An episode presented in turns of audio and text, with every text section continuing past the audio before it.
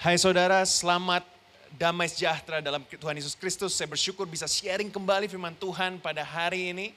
Dan mungkin di belakang saya sudah bisa lihat uh, teknologi itu sungguh luar biasa. Dengan bantuan teknologi kita bisa menampilkan background yang sangat-sangat mirip dengan Natal di Amerika, saudara. Ya, karena Amerika lagi nggak bisa masuk ke Amerika sekarang, jadi tim desain membuat background seperti ini. Sudah bisa lihat mungkin ada salju yang turun dan ada api unggun di sini. Tapi saya pastikan saudara kita tidak rekaman dari Chicago, kita rekaman dari Cihuni, saudara. Ya walaupun sama-sama C tapi beda lokasi. Bayangkan di Cihuni kalau pakai api unggun seperti ini, saya terbakar, saudara. Bukan terbakar oleh Roh Kudus, tapi terbakar oleh api yang sangat panas. Nah, saudara saya ingin share hari ini. Uh, saya rasa belum terlalu awal untuk berkata selamat Natal buat saudara. Kalau di Christ Cathedral kita merayakan Natal seluruh bulan Desember. Dari minggu pertama Desember sampai minggu terakhir Desember kita rayakan Natal. Nah, itu adalah salah satu uh, tradisi di Christ Cathedral. Dan saya mau katakan buat saudara tahun lalu kita bertemu di gedung gereja, kita bisa salam Natal, dan uh, apa jabat tangan saudara, kita bisa tukar kado, kita bisa foto di bawah pohon Natal. Tahun ini semuanya digital, saudara semuanya online. Tapi saya bersyukur dan saya berdoa, saya percaya ini tidak akan mengurangi makna Natal untuk kehidupan saudara. So hari ini saya ingin share tentang Immanuel uh, tema Natal kita di bulan Desember adalah Immanuel yang terambil dari Yesaya 7 ayat 14 berkata, sebab itu Tuhan sendirilah yang akan memberikan kepadamu suatu pertanda. Sesungguhnya seorang perempuan muda mengandung dan akan melahirkan seorang anak laki-laki dan ia akan menamakan dia Immanuel. Uh, yang menarik adalah walaupun Immanuel sering diidentifikasikan dengan perjanjian baru yaitu di kitab Matius, memang ditulis di Matius 1, tapi pertama kali kata Immanuel disebut itu sebetulnya di Yesaya pasal yang ketujuh. Saya akan berikan sedikit background buat saudara tentang kata Immanuel ini. Ya, ada beberapa spelling, ada yang Immanuel pakai i, ada Immanuel pakai e. Bedanya apa? Kalau yang pakai i itu dari Hebrew, dari bahasa Ibrani, kalau yang pakai e itu dari bahasa Yunani. Tapi yang tentunya artinya saudara tahu, Tuhan beserta kita, ya kan? Immanuel, L itu adalah Tuhan, God. Pertama kali waktu disebut di Yesaya 7 dan Yesaya 8, konteksnya adalah bangsa Israel waktu itu, eh, kerajaan Yehuda eh, lebih spesifiknya, sedang terancam. Mereka sedang mau diserang oleh bangsa Israel. Sudah tahu bahwa Israel pecah jadi dua waktu itu. Kerajaan Yehuda ada dua suku. House of David adalah kerajaan Yehuda, di situ adalah perkenanan Tuhan ada di situ, anak-anak Daud ada di situ, dan yang sepuluh suku adalah kerajaan Israel. Ya kan? Jadi Israel dan Yehuda pecah suku. Lalu Israel yang sepuluh suku yang lebih besar ini dan Damaskus itu mau menyerang kerajaan Yehuda. Rajanya namanya Ahas. Dalam kondisi terjepit Ahas, uh, Ahas ingin bekerja sama dengan raja lain, Raja Assyria untuk melindungi kerajaannya. Waktu itu Yesaya datang kepada Azan bilang jangan, jangan kerjasama lah sama kerajaan Assyria. Enggak perlu. Karena Tuhan Immanuel, dia beserta kita. Kalau Tuhan yang beserta bangsa Yehuda, sekecil apa pun bangsa itu, sepuruk apa pun kondisi militernya, kalau Tuhan yang menyertai pasti Tuhan melindungi. Tapi Raja Ahaz nggak peduli, dia tetap bekerja sama dengan Raja Assyria. Akhirnya yang terjadi adalah penyembahan berhala, agama di kerajaan Yehuda waktu itu diganti saudara. Dan Ahaz sendiri juga dicatat di Alkitab dia mempersembahkan anak kandungnya ke dalam api kepada dewa Molok. Ya, jadi dia raja yang sangat tersesat. Dia meninggal umur 36 tahun. Bahkan dikatakan bahwa dia tidak dicatat di silsilah raja-raja waktu itu karena sangat jahat dia dan dia tidak percaya kepada Tuhan. Padahal sudah dijanjikan oleh Yesaya Immanuel. Saudara kalau kita melihat kejadian 3000 tahun lalu itu dan kita lihat keadaan kita sekarang. Seringkali dalam kondisi yang muda, dalam kondisi yang baik dan diberkati, orang gampang untuk berkata Immanuel. Tentunya kalau Tuhan beserta kita, pasti kerjaan kita baik. Kalau tentunya kalau Tuhan beserta kita, pasti hidup kita sehat, pasti bisnis kita omsetnya besar. Tapi tidak mudah untuk mengakui atau menyadari bahwa Tuhan beserta kita kalau keadaan tidak sesuai dengan apa yang kita inginkan. Ada beberapa news artikel yang sudah bisa lihat di screen saudara disiapkan oleh tim kami. Orang-orang berkata, where is God in the pandemic? Is God testing our faith? Orang-orang berubah dari Immanuel, God is with us, menjadi is God with us? Orang berkata dari Tuhan bersama kita dengan apakah Tuhan masih bersama dengan kita? Alkitab mencatat beberapa cerita di mana murid-murid sedang bersama Tuhan Yesus, Immanuel, tetapi masih mereka meragukan Tuhan. Di Markus 4 ayat 38 sampai 40 Saudara familiar dengan ayat-ayat ini di mana Tuhan Yesus bersama dengan murid-muridnya di kapal. Dan badai datang begitu besar. Lalu murid-muridnya tahu Tuhan Yesus ada di situ, tapi dia berkata kepada Tuhan Yesus, "Guru, tidakkah engkau peduli kalau kita binasa?" Seakan-akan Tuhan ada Immanuel, tapi dia tidak peduli. Lalu Tuhan Yesus berkata kepada mereka, mengapa kamu begitu takut? Mengapa kamu tidak percaya padahal aku besertamu, Immanuel, ada di kapal itu. Matius 14 ayat 29, Petrus sedang berjalan menuju Tuhan Yesus di tengah danau. Dia berjalan di atas air, satu-satunya manusia yang berjalan di atas air adalah Petrus dan Doraemon, saudara. Tapi Doraemon itu fiksi kalau Petrus kejadian nyata. Lalu Petrus turun dan perahu berjalan di atas air. Mendapatkan Yesus loh, bayangkan. Matius 14 ayat 29. Ada Immanuel. Tetapi ketika dirasanya tiupan angin, takutlah ia dan mulai tenggelam. Lalu berteriak, Tuhan tolonglah aku. Sekali lagi Tuhan Yesus juga bingung. Kok nggak percaya? Padahal aku beserta dengan engkau. Kalau murid-murid saja yang melihat Tuhan Yesus secara fisik masih bisa ragu, masih bisa kehilangan imannya. Apalagi kita yang tidak melihat Tuhan secara fisik. Seringkali kita mungkin goyah iman kita dan kita mulai meragukan apa betul Immanuel masih terjadi dalam kehidupan saya. Di manakah Tuhan waktu saya berteriak minta tolong? Di manakah Tuhan waktu orang yang saya sakit, yang saya uh, sayangi sakit dan meninggal? Di manakah Tuhan waktu ada orang yang kita kasih sakit dan tidak sembuh-sembuh? Di manakah Tuhan waktu segalanya sepertinya porak-poranda dan tidak jelas ke mana. Tapi Tuhan berkata saudara, Immanuel adalah janji yang kekal. Never allow the presence of the storm to cause you to doubt the presence of God. Adanya Tuhan bersama dengan saudara bukan berarti tidak ada badai. Justru semakin ada Tuhan dalam hidup kita, badai bisa semakin besar. Kalau kita lihat cerita Natal sendiri, saudara, kita tahu bahwa pertama kali waktu Yesus Tuhan Yesus pun dilahirkan di kandang. Siapa saudara di sini yang mau cita-citanya kalau melahirkan rindu untuk melahirkan di kandang? Angkat tangan. Pasti nggak ada. Semua kalau mau melahirkan bayi pasti maunya di ruangan VIP atau VVIP, rumah sakit yang terbaik. Waktu saya melahirkan, oh saya nggak melahirkan saudara, istri saya melahirkan. Walaupun perut saya seperti orang mau melahirkan, tapi istri saya melahirkan saudara. Nah waktu istri saya mau melahirkan, bayangkan sembilan bulan begitu tahu hamil langsung harus book dulu kamar rumah sakit. Karena begitu rumah sakitnya sangat terbatas bednya yang kita mau di situ. Dan puji Tuhan saudara rumah sakitnya bagus dan makanannya enak itu paling penting buat saya. Nah saudara tapi Tuhan Yesus tidak seperti itu. Dari awal dia dilahirkan harus lahir di kandang. Karena tidak ada tempat bagi dia. Dia sudah lahir umurnya beberapa bulan. Orang majus datang, Herodes mau bunuh dia. Setelah Herodes membunuh dia, dia harus mengungsi ke Mesir. Badai begitu besar, sampai-sampai kalau saya jadi Yusuf dan Maria, saya akan bertanya-tanya, apa betul ini Immanuel? Kalau Immanuel, kenapa tantangan begitu banyak? Kenapa badai begitu besar? Maka itu hari ini kita akan belajar apa sih sebetulnya arti Immanuel. Maksud Immanuel itu apa? Apakah Immanuel itu Tuhan beserta kita, lalu kita tidak pernah kalah, lalu kita maju terus, kita nggak pernah mundur, kita nggak pernah merasakan satu bahaya sekalipun, atau ada janji lain dalam kata Immanuel. Dan saya mau katakan buat saudara, Immanuel ini luar biasa karena ditulis bukan hanya di Matius 1 ayat 23, tapi Matius 28 ayat 20. Wow, ternyata kata Immanuel di, dicatat di Matius 1 di awal kitab Matius dan di akhir Saudara bilang, mana pastor? Gak ada Immanuel di akhir. Coba saudara lihat, Matius 28 ayat 20. Dan ajarlah mereka melakukan segala sesuatu yang telah kuperintahkan kepadamu. Dan ketahuilah, aku menyertai kamu senantiasa sampai kepada akhir zaman. Immanuel itu di awal, Immanuel di akhir. Kalau Tuhan yang memulai pekerjaan yang baik di antara kita, dia yang akan menyelesaikannya sampai pada akhirnya. Pada hari Kristus Yesus Filipi 1 ayat 6 yang percaya katakan amin. Sudah bisa ketik amin di chat room saudara.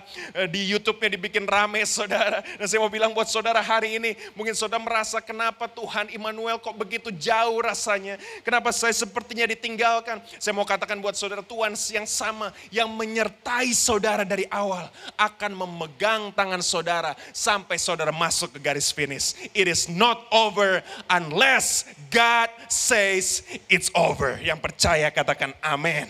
Saudara hari ini dengan cepat saya akan bahas empat arti Immanuel. Walaupun biasanya kalau pengkhotbah zaman now semua harus tiga poin saudara termasuk saya sendiri. Tapi saya tidak akan diskon Alkitab karena Alkitab mengatakan ada empat arti Immanuel. Yesaya 9 ayat 6. Tadi kita lihat Yesaya 7 kata Immanuel. Yesaya 9 ayat 6. Ini adalah deskripsinya. Maksudnya Tuhan menyertai kita itu apa? Yesaya 9 ayat 6. Sebab seorang anak telah lahir untuk kita seorang putra telah diberikan untuk kita. Ada lagunya saudara ya. Lambang pemerintahan ada di atas bahunya. Dan namanya disebutkan orang titik dua. Coba saudara garis bawah ya Alkitab saudara. Terus anak-anak milenial bilang, pastor sudah nggak pakai penggaris lagi pastor ya. Sudah nggak pakai garis bawahin lagi. Oke di highlight itu di HP. Ya, penasehat ajaib, Allah yang perkasa, Bapa yang kekal, Raja damai. Kalau saudara mau hafal ayat, hafalin ayat ini saudara. Jangan sampai lupa ada empat arti Immanuel. Penasehat ajaib, Allah yang perkasa. Yang ketiga, Bapa yang kekal. Dan yang keempat, Raja damai. Saudara jangan pernah lupa. Dan dibuat lagunya supaya kita ingat. Kenapa? Karena kita kalau mengerti setiap arti Immanuel ini, maka kita akan menyadari betapa Tuhan setia menyertai kita dalam kondisi apa pun. Kita kita mulai dari yang pertama, apa itu penasehat ajaib? Yohanes 14 ayat 16 berkata, aku akan minta kepada Bapa dan ia akan memberikan kepadamu seorang penolong yang lain supaya ia menyertai kamu selama-lamanya. Kata penolong di perjanjian baru parakletos. Dalam perjanjian lama kata penasehatnya yaats atau counselor. Ternyata ini lebih ke arah konseling penasehatnya saudara kalau perjanjian lama. Kalau perjanjian baru lebih ke arah lawyer, pembela ya. Kalau pembela hukum dia juga konseling. Dia juga memberikan nasihat yang terbaik buat saudara. Mungkin saudara bilang saat ini, Pastor kenapa waktu saya berdoa sepertinya saya berdoa ke tembok. Tuhan tidak dengar doa saya. Tuhan diam saja. Tuhan belum jawab-jawab doa saya. Saya mau bilang ke saudara satu hal. Ternyata kalau saudara belajar konseling, namanya counselor yang bagus, itu konselor yang selalu mendengarkan pasiennya. Kalau konselor yang ngoceh mulu, saudara, itu konselor tidak bagus. Berarti dia bukan pendengar yang baik. Nah kalau saudara tahu, konselor Yaats ini, dia konselor yang luar biasa, penasihat ajaib. Waktu Tuhan diam, berarti apa? Waktu dia diam, dia sedang dengarkan keluh kesah saudara. Terutama ibu-ibu di sini ya. Coba ibu-ibu, kadang-kadang ibu-ibu atau perempuan atau wanita, ya kan sama semua itu artinya, datang ke laki-laki atau suami pasangannya bilang, aduh aku stres banget hari ini, ya kan, A, B, C, D, N, E, beli ayam ternyata busuk, beli mangga katanya sudah matang, ternyata mangganya masih belum matang, masih mentah.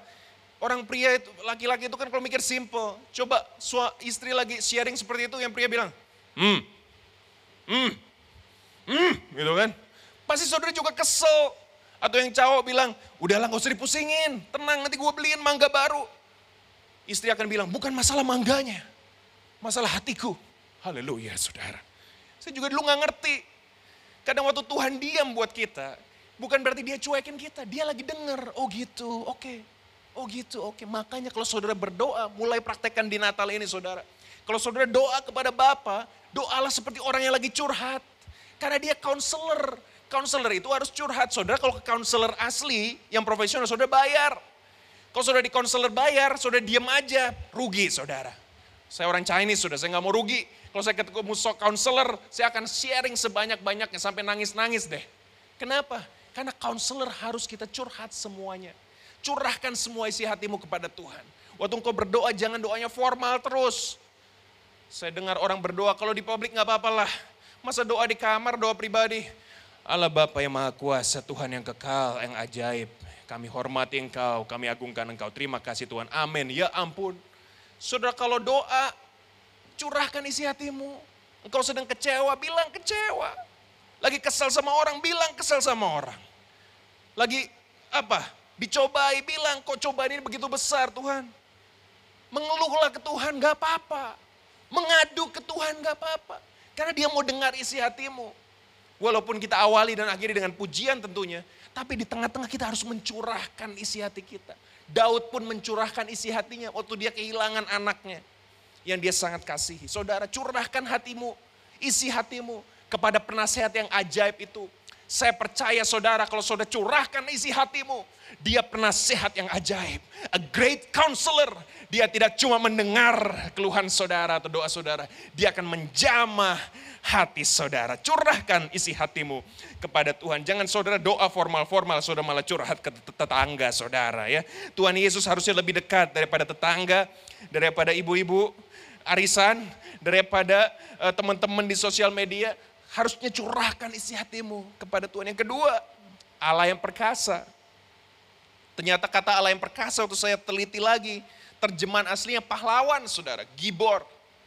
Apa itu pahlawan? Pahlawan itu hero, orang yang menyelamatkan. Kadang-kadang saudara bilang, Yesaya 42 ayat 13, saudara baca coba. Tuhan keluar berperang sebagai pahlawan. Seperti orang perang yang membangkitkan semangatnya untuk bertempur. Terhadap musuh-musuhnya yang membuktikan kepahlawanannya. Wow. Tapi saudara tanya, kalau Tuhan pahlawan, hero, kok nggak menang terus ya? Kok kadang-kadang kalah? Apa kalah? Bisnis kalah. Ya kan? Apalagi nilai jelek kalah.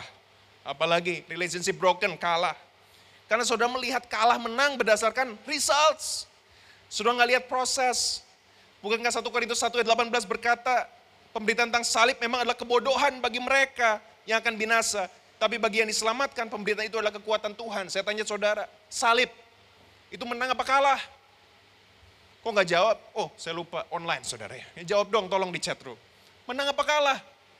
Buat kita orang percaya menang. Buat orang yang nggak percaya, Tuhanmu kok disalib? Tuhanmu kok disalib? Tapi buat saya yang percaya, salib itu tanda kuasa saudara. Mana ada Tuhan yang mau datang, lahir di kandang, mati di salib. Hanya Tuhan yang kita sembah yang mau seperti itu. Kenapa? Karena dia menang saudara. Dan dia pahlawan saya. Kenapa dia pahlawan? Dia mau disalib supaya kita nggak perlu disalib secara fisik. Supaya kita diselamatkan. Apa yang kita anggap kekalahan saat ini. Mungkin hubunganmu pecah, rusak. Mungkin bisnismu bangkrut. Mungkin nilaimu nggak bagus. Apalagi, sebut semua saudara tahun ini. Everything that went, that should go wrong, went wrong for you maybe. But I want to tell you something. Ada janji Tuhan buat saudara. Ternyata Tuhan itu kalau melihat kalah menang bukan dari satu apa battle, battle, battle, battle, battle. He sees victory from war perspective. Long term, saudara. Dia nggak lihat satu hari lu kalah, satu hari lu menang. No, dia lihat long term dan dia lihat proses. Sampai Sadak Mesak Abednego bilang, kalaupun gua nggak diselamatin, nggak apa-apa, mati aja kebakar. Buat mereka itu menang. Paulus mati diadu dengan banteng. Yohanes mati disalib terbalik, saudara eh Petrus mati di salib terbalik ya. Yohanes mau dimasukin kuali digoreng, nggak mati dia. Dia mati natural. Buat orang kalah ini kalah, katanya pahlawan. Saya bilang buat saudara, pahlawan kita nggak pernah kalah. Maka Tuhan Yesus bilang kita lebih dari pemenang. Kenapa? Karena kena pedang, kena kelaparan, kebangkrutan, kelemahan, sakit penyakit. Tidak ada satupun yang bisa memisahkan kita dari kasih Kristus Immanuel. Dia mengasihi kita. Dia Allah yang perkasa pahlawan. Yang tidak pernah kalah yang percaya katakan. Amin. Makanya kalau kalah sekali, kalah dua kali jangan pikir Tuhan gak menyertai. Kadang Tuhan mengizinkan kekalahan terjadi supaya saudara bisa menang lebih besar next time. Amin, haleluya. AC Milan terakhir menang 2011, saya percaya ini tahun Milan setelah 10 tahun semakin lapar gitu. Dia semakin mau menang. Kalau nggak suka AC Milan nggak apa-apa nanti editor tolong di-cut saja khotbah yang ini. Yang ketiga saya mau bilang buat saudara, Bapak yang kekal. Waktu kita bilang Bapak yang kekal, kita sering kali bilang, oh dia Bapak yang kekal. Kita lupa kalau Bapak yang kekal, berarti anak juga kekal, saudara. Saya percaya nggak cuma eternal fatherhood. Saya percaya eternal sonship. Nah, Mazmur 103 12 berkata seperti 13 seperti Bapak sayang kepada anaknya, demikian Tuhan sayang kepada orang yang takut akan Dia. Seringkali kita nggak percaya Tuhan menyertai kita waktu kita merasa ditinggalkan karena kita merasa nggak layak menjadi anaknya. Sudah terima perjamuan kudus, minta ampun dosa, sudah pulang holy holy haleluya saudara. Senin saudara holy, Selasa saudara holy, Rabu saudara berbuat dosa. Lalu saudara bilang gini, aduh saya berbuat dosa. Harus tunggu lagi perjamuan kudus bulan depan. harus tunggu lagi ke gereja hari Minggu. Gak heran di gereja semuanya broken hearted, merasa Tuhan begitu kecewa begitu sudah. Dulu saya menggambarkan Bapak seperti seorang hakim yang pakai palu besar di atas dan dia uh, menghajar kita, meninggalkan kita setiap kita berdoa saudara. Saya mau bilang buat saudara, Bapak yang kekal adalah Bapak yang tidak pernah meninggalkan anaknya. Percaya katakan amin. Saya mau bilang buat saudara, kalau saudara merasa atau saudara percaya bahwa setiap saudara salah, saudara ditinggalkan. Betapa malangnya kita saudara. Betapa malangnya kita, berarti apa? Bayangkan setiap saudara berdosa, saudara ditinggalkan. Ampun, keluar gereja sudah langsung berdosa. ya macet parkiran mau keluar gereja. Puji Tuhan lagi online, saudara nggak perlu parkir. Langsung dosa. Sampai-sampai beberapa anak gereja waktu itu, waktu saya melayani di luar negeri. Dia bilang, aduh bener nih Tuhan meninggalkan saya. Kenapa? Mobil gue dipecah. Kenapa mobilnya dipecah? Iya gue telat perpuluhan, Tuhan meninggalkan saya karena gue telat perpuluhan. Saudara saya bilang, Tuhan tidak menyertai saudara karena saudara perpuluhan, no. Tuhan tidak menyertai saudara karena saudara nggak pernah berdosa, no. Tuhan menyertai saudara karena dia mengasihi saudara. Jangan mau terima kabar buruk yang bilang kalau kamu berbuat salah satu aja Tuhan meninggalkanmu. Cari ayatnya nggak ada. Yang ada saya tahu satu domba hilang, sembilan sembilan ditinggalkan untuk yang satu itu. Saya percaya satu hal saudara, dia Bapak yang kekal. Kalau Bapak yang kekal, kita anak yang kekal, amin. Yang percaya katakan amin. Kalau Bapaknya kekal, anak juga kekal. Jangan mau ditipu, dibilang, oh Tuhan marah. Tahu nggak? Setiap hari iblis akan membisikkan buat saudara, Tuhan marah. Tuhan kecewa, Tuhan meninggalkanmu, makanya engkau bangkrut, makanya engkau apa sakit. Memang kadang dia mengizinkan sakit terjadi, mengizinkan bangkrut dan terjadi, tapi bukan karena dia meninggalkanmu. Justru dia mengasihimu, sehingga dia memberikan ganjaran padamu. Bapak seperti apa kalau anaknya nakal ditinggalin di pinggir jalan? Bapak yang gila itu, sorry saudara. Itu bapak gila kalau anaknya nakal ditinggalin di pinggir jalan. Bapak yang kekal, anaknya senakal apa pun, dia akan kejar anak itu. Dia akan peluk anak itu, bawa kembali ke rumah. Walaupun dia harus berkorban buat anak itu. Saya punya anak dua, saya tahu saudara. Kadang anak bikin kesel. Tapi bapak yang kekal akan terus menyertai anaknya. Senakal apa pun anak itu. Adakah saudara di sini yang merasa saudara jauh dari Tuhan? Itu rasa-rasa-rasa. Sudah nggak bisa kerasa Tuhan. Kenapa? Karena Tuhan bukan dirasakan saja saudara. Rohnya selalu ada bersama denganmu. Kalau setiap orang yang yang berbuat dosa ditinggalkan Tuhan, matilah kita semua saudara. Mati semua saudara. Nggak ada Natal, habis kita akhir zaman terjadi sekarang. Tapi karena dia begitu mulia, begitu mengasihi kita. Walaupun kita jahat, walaupun kita dosa, dia tetap menyertai kita. Oh pastor, kalau gitu boleh berdosa terus pastor. Kalau saudara pikir begitu, saudara belum pernah terima Tuhan Yesus. Karena saya percaya setiap orang yang menerima Kristus, dia tidak akan sengaja berbuat dosa lagi. Tapi kalaupun dia berbuat dosa, Tuhan akan mengampuni dia. Karena Tuhan menyertai Immanuel, Bapa yang kekal. Dan yang keempat, Raja Damai. Raja Damai. Damai sejahtera aku tinggalkan bagimu, Yohanes 14 ayat 27. Damai sejahtera aku berikan kepadamu. Apa yang kuberikan tidak seperti yang diberikan apa? dunia kepadamu. Janganlah gelisah dan gentar hatimu. Di mana ke tempat paling damai di dunia? Katanya di Melbourne. Kenapa? Lagi rekaman ini zero covid. Pemain musik bisa maju ke depan. New Zealand. Lagi rekaman ini covid tinggal sisa 27 katanya. Mana yang gak damai? Amerika 9 juta covid katanya. Saya gak tahu bener apa enggak. Kalau damai ditentukan ada nggak ada COVID saudara. Nggak perlu baca Alkitab lah saudara. Apa itu Raja Damai? Raja Damai adalah Raja yang memberikan damai walaupun kondisi tidak damai. Damai di kekristenan bukan kondisi. Bukan tempat liburan. Bukan kasur yang enak. Bahkan bukan berkat yang melimpah. Damai di kekristenan adalah pribadi Kristus sendiri. I am peace. I am Jehovah Shalom. Kita tuh ngomong shalom kebanyakan, kita ngerti gak shalom apaan? Sudah ngerti gak shalom apa? Apa shalom? Ya kan, saya punya saudara sangat-sangat rohani sekali saudara ya. Jadi kalau terima telepon dari bank, dari PLN. Shalom, selamat pagi. Tuhan memberkati. Aduh, rohani sekali. Kalau saudara rohani seperti itu nggak apa-apa, saudara Tuhan mengasihi saudara. Tapi kita sering ngomong shalom. Ngerti nggak apaan shalom? Shalom adalah completeness, haleluya. Completeness adalah kesempurnaan. Aku merasa penuh. Oh. Walaupun kondisi buruk, kondisi sangat-sangat susah, panas, hatimu panas, cuaca panas. Kontrakan sudah mau habis, pastor. Gak tahu gimana bayarnya. Beras di rumah persediaan udah mau habis. Anak sekolah online. Internet pulsa udah mau habis, pastor.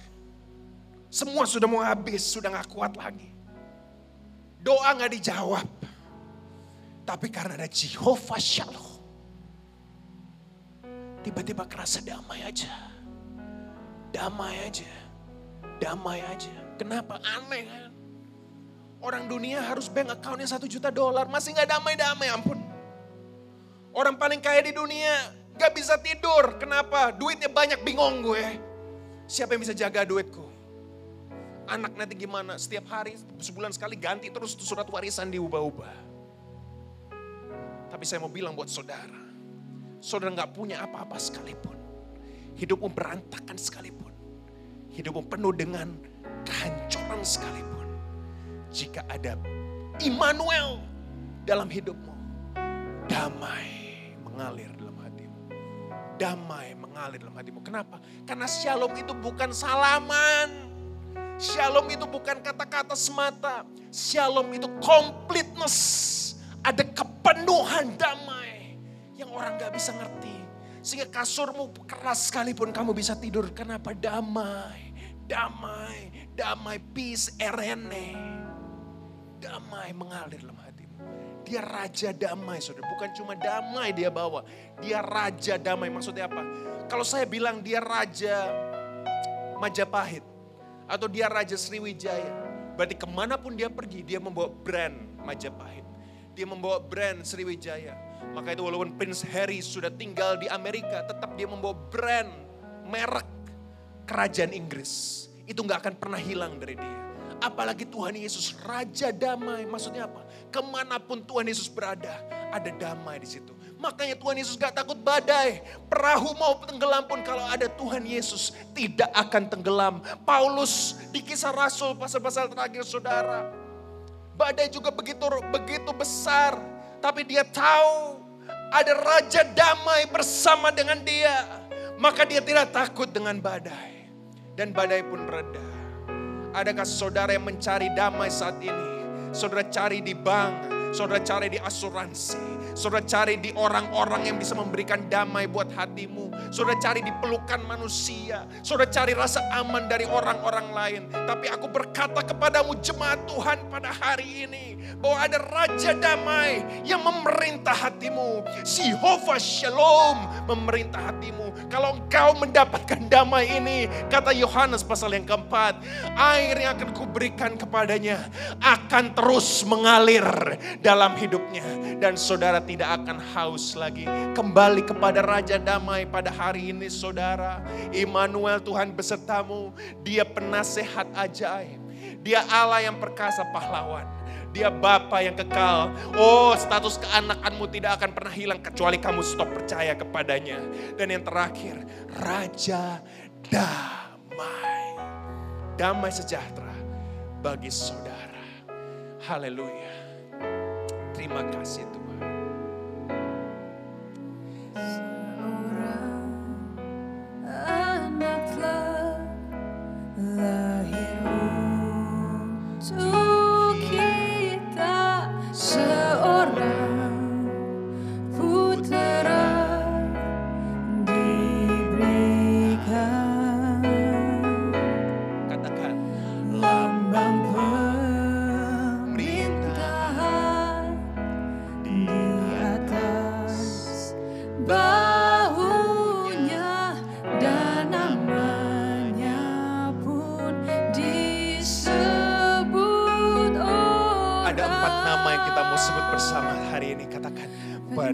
Penasehat ajaib. Yang kedua, Allah yang perkasa.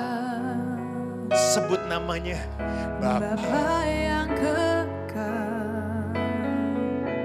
Raja Damai. Raja damai. Sambutlah Yesus hari ini saudara. Sambutlah dia. Yesus Tuhan.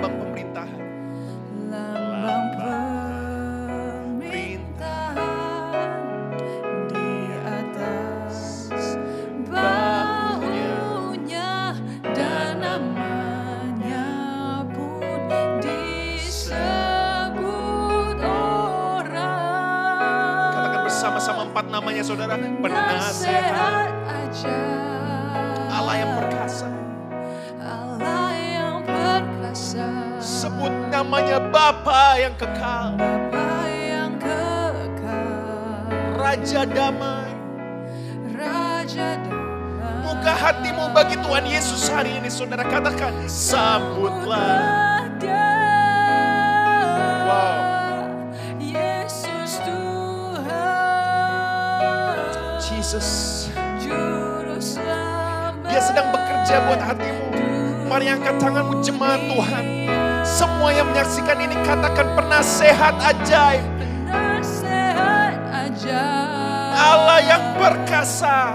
Allah yang perkasa Oh Bapa yang kekal. Bapa yang kekal Yang percaya katakan Raja damai. Sambutlah dia.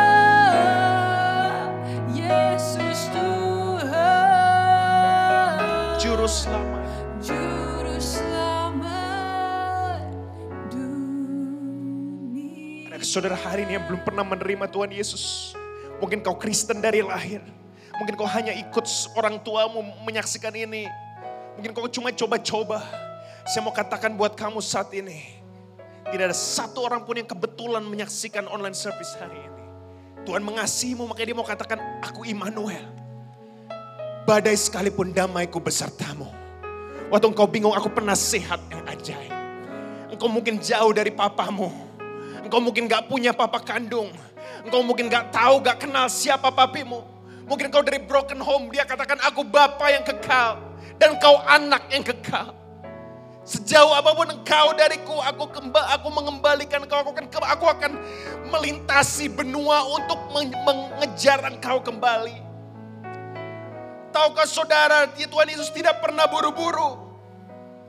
Ada badai sekalipun dia nggak buru-buru. Tapi sekali dicatat di Alkitab dia buru-buru. Waktu dia lihat anak bungsu yang terhilang. Kembali kepada rumah Bapa. Dia buru-buru keluar saudara. Dia buru-buru kejar anak bungsu itu. Karena dia takut anaknya gak balik saudara.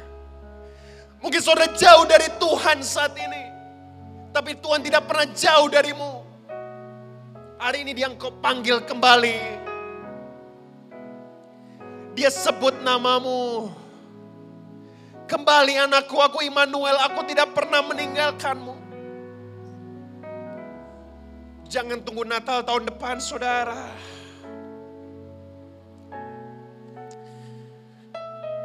Dia terlalu mengasihimu saudara. Sambutlah dia. Yesus Tuhan. Juru selamat. Wahyu 3.20 berkata, lihatlah aku berdiri di muka pintu dan mengetuk saudara. Dia mengetuk saudara, dia mengetuk saudara.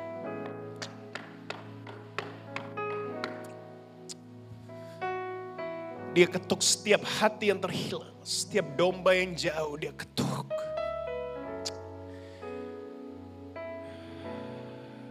Barang siapa membukakan pintu, aku akan masuk mendapatkan dia dan makan bersama dengan dia.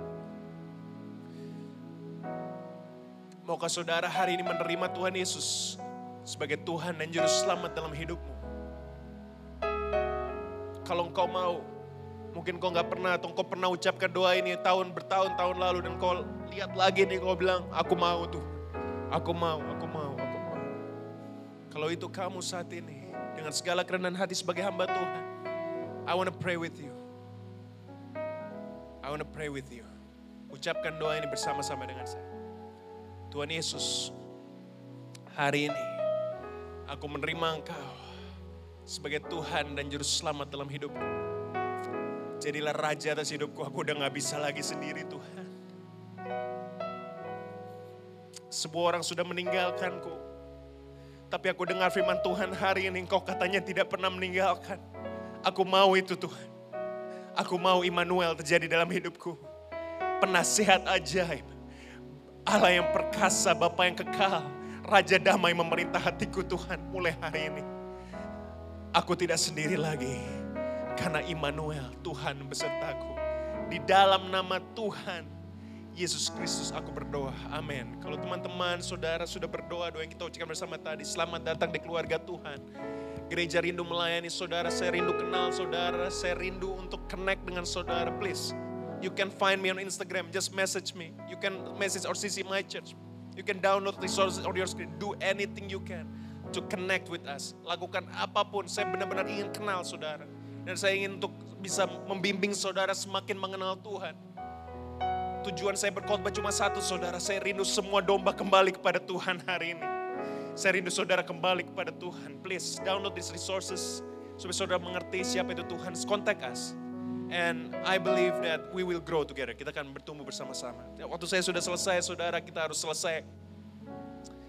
Sekali lagi saya mengingatkan saudara, dia Immanuel, Tuhan yang luar biasa. Dia penasihat ajaib, Allah yang perkasa, Bapa yang kekal, Raja damai. Jangan ragukan penyertaan Tuhan. Di Natal ini, saya percaya kasih setia Tuhan bersama dengan saudara. Angkat tanganmu ke surga, kira masih. Terima kasih Tuhan. Saya mau berdoa secara khusus buat berkat Natal buat hidup saudara. Saya nggak mau ini jadi formalitas, so reach out to heaven right now. Open up your heart. Buka hatimu. Terus, terus sembah dia. Kita ada waktu, come on. Sembah dia, haleluya Jesus. Aku berdoa buat berkat khusus. Untuk semua jemaat Christ Cathedral. Sebagai pelayan Tuhan di tempat ini. Aku mintakan berkat khusus setiap jemaat Christ Cathedral.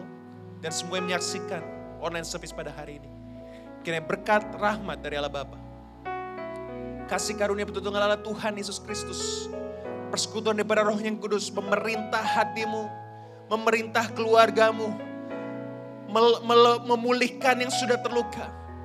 Menyembuhkan yang menderita. Membasahi setiap hati yang kering. Memenuhi setiap lumbung yang kosong. Penasehat ajaib. Allah yang perkasa. Bapa yang kekal. Raja damai. Memerintah kehidupanmu. Mulai hari ini sampai Tuhan Yesus datang yang kedua kalinya. Di dalam berkat nama Tuhan. Yesus Kristus. Amin. Haleluya, haleluya, haleluya. Saudara terima kasih sudah berpartisipasi dalam Christ Cathedral Online Service. Kita ketemu lagi minggu depan di jam yang sama, channel yang sama. Kalau saudara belum subscribe to our YouTube channel, please subscribe. Follow us on social media supaya saudara tidak pernah ketinggalan berita-berita penting dan layanan penting yang disediakan oleh gereja. Dan kalau saudara adalah jemaat lokal di gereja lain, please watch the online service at your church karena kita rindu menjadi berkat buat semua orang. Tapi saya percaya buat Tuhan punya pesan buat setiap saudara di gereja lokal di mana saudara ditempatkan. Nah, saya berdoa supaya damai sejahtera Tuhan menyertai kehidupan saudara dan keluarga saudara sepanjang bulan Natal ini bahkan seterusnya sampai tahun depan. Sampai di sini dulu pertemuan kita hari ini. God bless you. See you next time.